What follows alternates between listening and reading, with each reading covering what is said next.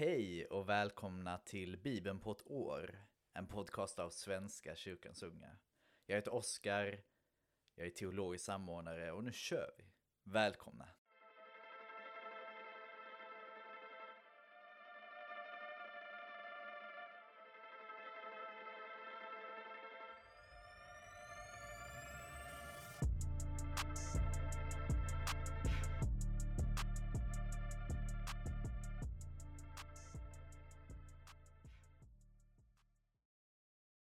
Vi ber.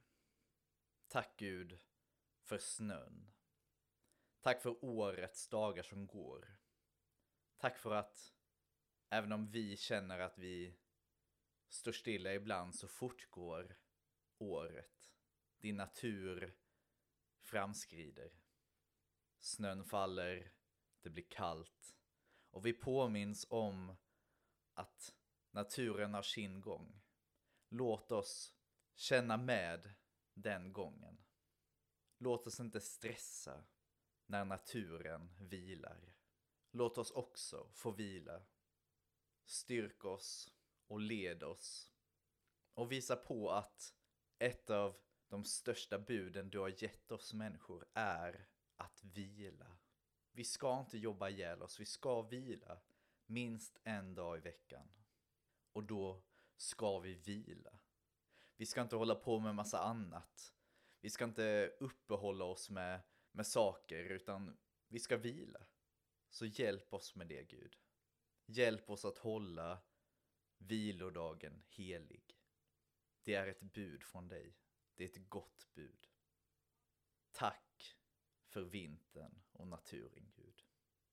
Hjälp oss ta hand om den och vårda den. Vårda din skapelse. Och i din skapelse ingår även oss. Låt oss vårda oss själva och våra nästa. Var med i dagens läsning. Ge oss insikter om vem du är, Gud, men också om vilka vi människor är. Hjälp oss att se oss själva i spegeln och se oss för de vi är och att se hintar av dig i oss. Tack Gud för att du älskar oss. I Jesu namn, Amen. Ja, vi börjar i Första Kungaboken, kapitel 7, vers 1 till 51. Sitt eget hus byggde Salomo på 13 år.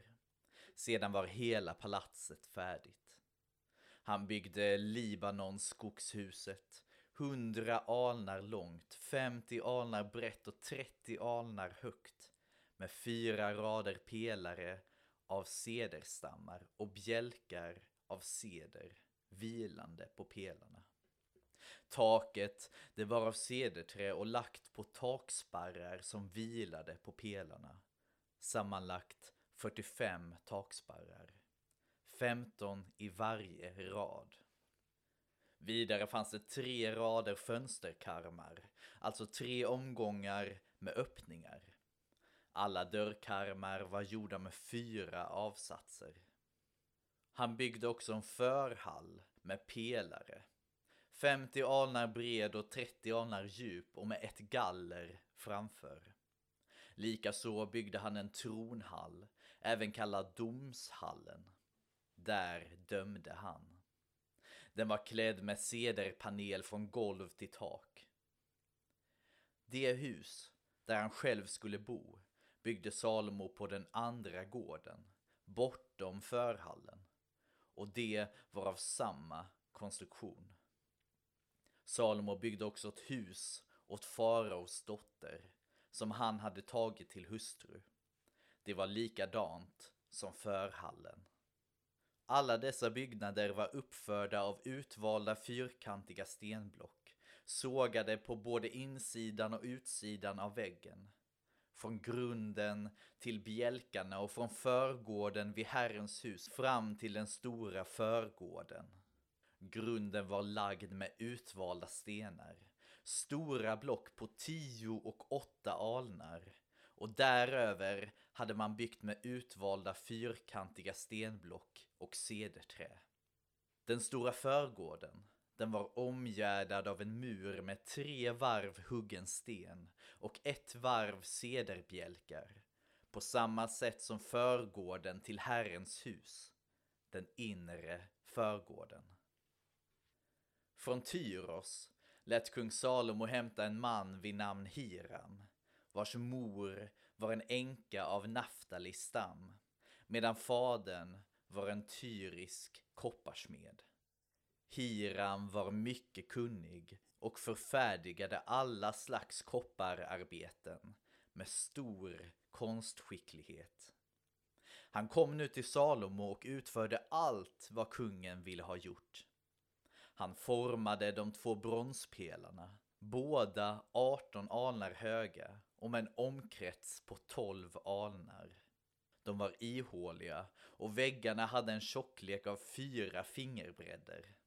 Två pelarhuvuden göt han i brons och satte överst. Vartdera fem alnar högt. De båda pelarhuvudena var försedda med varsitt flätverk med tofsar och kedjor.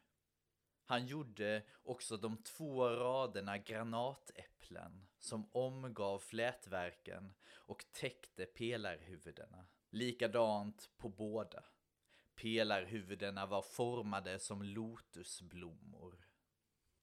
200 granatäpplen i rader omgav vart och ett av dem.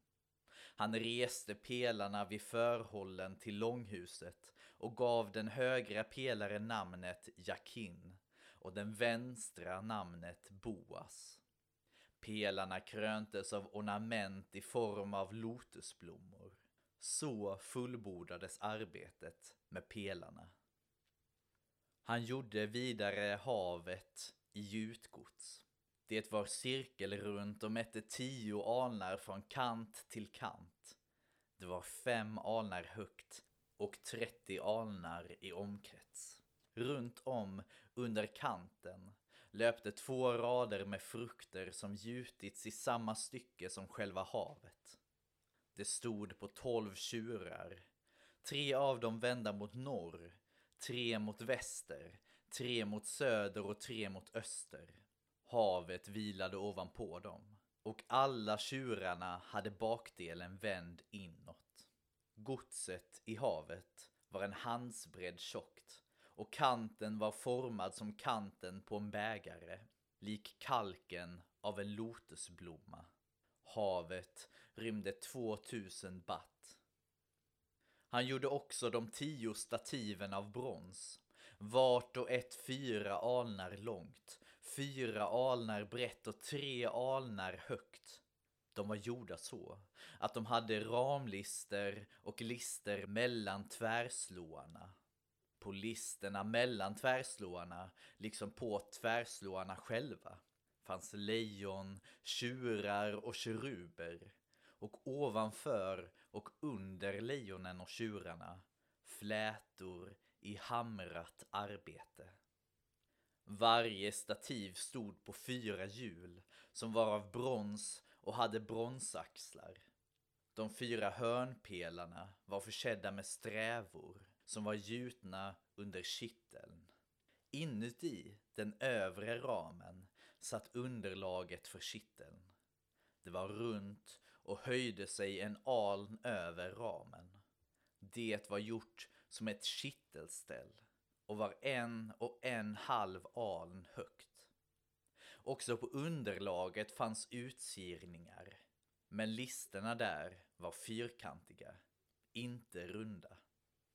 Under listverket satt de fyra hjulen och hållarna till hjulen var fästa i stativet. Hjulen var en och en halv aln höga. De var av samma utförande som stridsvagnshjul.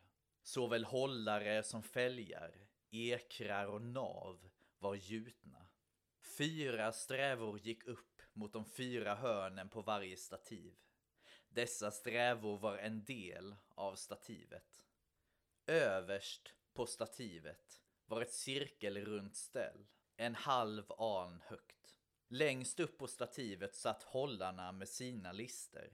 På plattorna var keruber, lejon och palmer ingraverade. Alla tio stativen gjordes på samma sätt. Samma gjutgods, mått och form. Hiram gjorde tio kittlar av brons. Var och en rymde 40 batt och hade en diameter av fyra alnar. På vart och ett av de tio stativen satte han en kittel. Fem av stativen ställde han på högra sidan av tempelhuset och fem på den vänstra. Havet ställde han på den högra sidan av tempelhuset åt sydost. Han gjorde också grytorna, skovlarna och offerskålarna. Han fullbordade arbetet med alla de föremål han fått i uppdrag att göra åt kung Salomo för Herrens hus. Två pelare, de två klotformiga pelarhuvudena, de två flätverken som skulle täcka de båda klotformiga pelarhuvudena, de 400 granatäpplena till de båda flätverken, två rader granatäpplen för varje flätverk till att täcka de båda klotformiga pelarhuvudena. Vidare de tio stativen och de tio kittlarna till stativen. Havet som var ett och de tolv tjurarna under havet. Slutligen också grytorna, skovlarna och offerskålarna.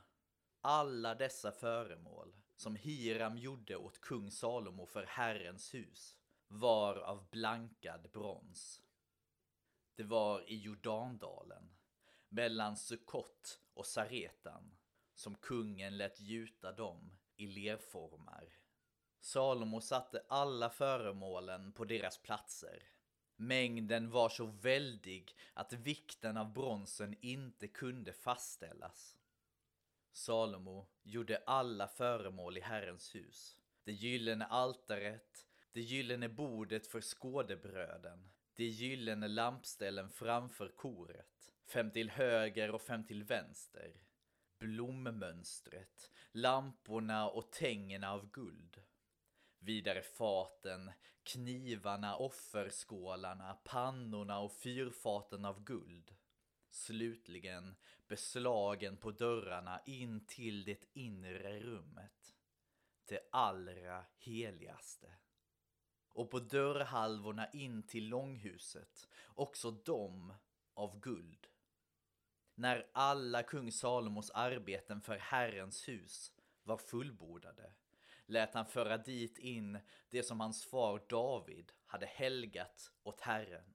Silvret och guldet och kärlen lade han i skattkamrarna i Herrens hus. Ja, där fick vi höra mycket kring, kring hur palatset byggdes och även hur bronsgrejerna och guldföremålen till templet gjordes. Jag kan just nu inte se det själv framför mig, men jag tänker att de som har kunnat göra en bild av det, man kan ju googla och se kanske. Och nu när jag googlade finns det ju jättemånga olika slags bilder som folk har försökt göra av templet. Men jag tänker att ingenting borde kunna mäta sig med att stå där i person och se det framför sig. Wow. Vi fortsätter i Apostlagärningarna, kapitel 7, vers 30 till 50, där Stefanos håller på att sammanfatta Bibelns ord. Vi börjar. När 40 år hade gått visade sig en ängel för honom i öknen vid berget Sinai i en brinnande törnbuske. Mose häpnade över synen och när han gick fram för att se efter vad det var hördes Herrens röst. Jag är dina fäders Gud, Abrahams, Isaks och Jakobs Gud. Då darrade Mose av skräck och vågade inte se efter. Men Herren sade till honom, ta av dig dina skor. Ty platsen där du står är helig mark.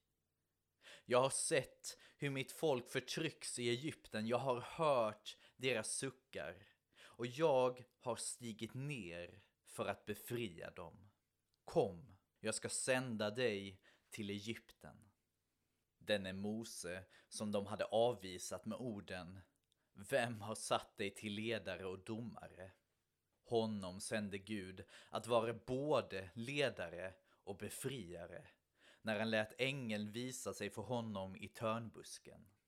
Det var Mose som ledde deras uttåg och som gjorde under och tecken i Egypten och i Röda havet och i öknen under 40 år. Det var Mose som sade till israeliterna En profet lik mig ska Gud låta stå upp ur era bröders led.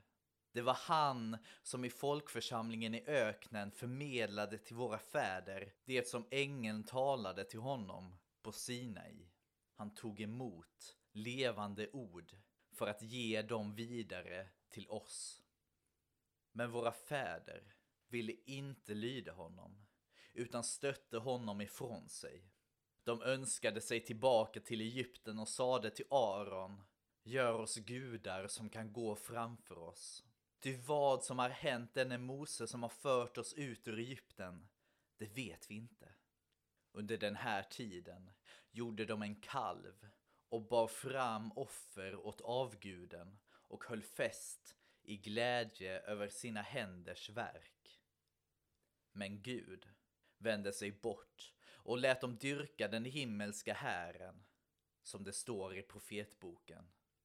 Varken slaktoffer eller andra offer frambar ni åt mig under de 40 åren i öknen, ni som är Israels folk. Ni bar med er Moloks tält och guden Romfas stjärna, de bilder som ni gjort för att tillbe. Därför ska jag fördriva er till landet bortom Babylon. I öknen hade våra fäder förbundstecknets tält, inrättat så som den som talade med Mose hade bestämt, nämligen efter den förebild Mose fick se. Och fäderna tog det i arv och förde det hit under Josua, när de tog landet i besittning efter de folk som Gud drev undan för våra fäder. Här stod det till Davids tid. Och David fann nåd inför Gud och bad att han skulle finna en boning åt Jakobs Gud. Men Salomo byggde ett hus åt honom. Den högste bor dock inte i något som är byggt av människohand. Som profeten säger, himlen är min tron, jorden min fotapall. Vad för ett hus kan ni bygga åt mig? Säger Herren. Var skulle min viloplats vara? Har inte mina händer gjort allt detta? Ja, mäktigt. Kan vi bygga något som rymmer Gud? Har inte Gud redan skapat hela världen, hela universum? Hur kan vi då säga att här ska du bo? Vi får höra vidare om det här imorgon. Men nu läser vi Saltaren 128, en vallfartssång. Lycklig den som fruktar Herren och vandrar på hans vägar. Du ska njuta frukten av din möda. Lycklig du. Det ska gå dig väl. Som en vinstock som bär frukt är hustrun i ditt hus. Som plantor av olivträd är barnen kring ditt bord. Så blir den man välsignad som fruktar Herren. Må Herren välsigna dig från Sion så att du får se Jerusalems lycka i alla dina dagar och får se barn till dina barn. Må det gå Israel väl. Och vi avslutar i Ordspråksboken, kapitel 16, vers 31 till 33. Vitt hår är en ärekrans. Man vinner den med rättfärdigt liv. Bättre en tålmodig man än en hjälte. Bättre behärska sig själv än inta en stad. Lotten kastas i knät. Men hur den faller bestämmer Herren. Ja, vitt hår är en ärekrans. Det får vi komma ihåg. Tack för idag hörni. Imorgon så kommer vår kära Rebecka att läsa. Hon har jobbat här innan på kansliet och är nu färdig diakon. Men det får ni höra mer om imorgon. Ha det fint, ta hand om er och se till att vila nu när naturen vilar. Ha det fint, Guds frid, hejdå.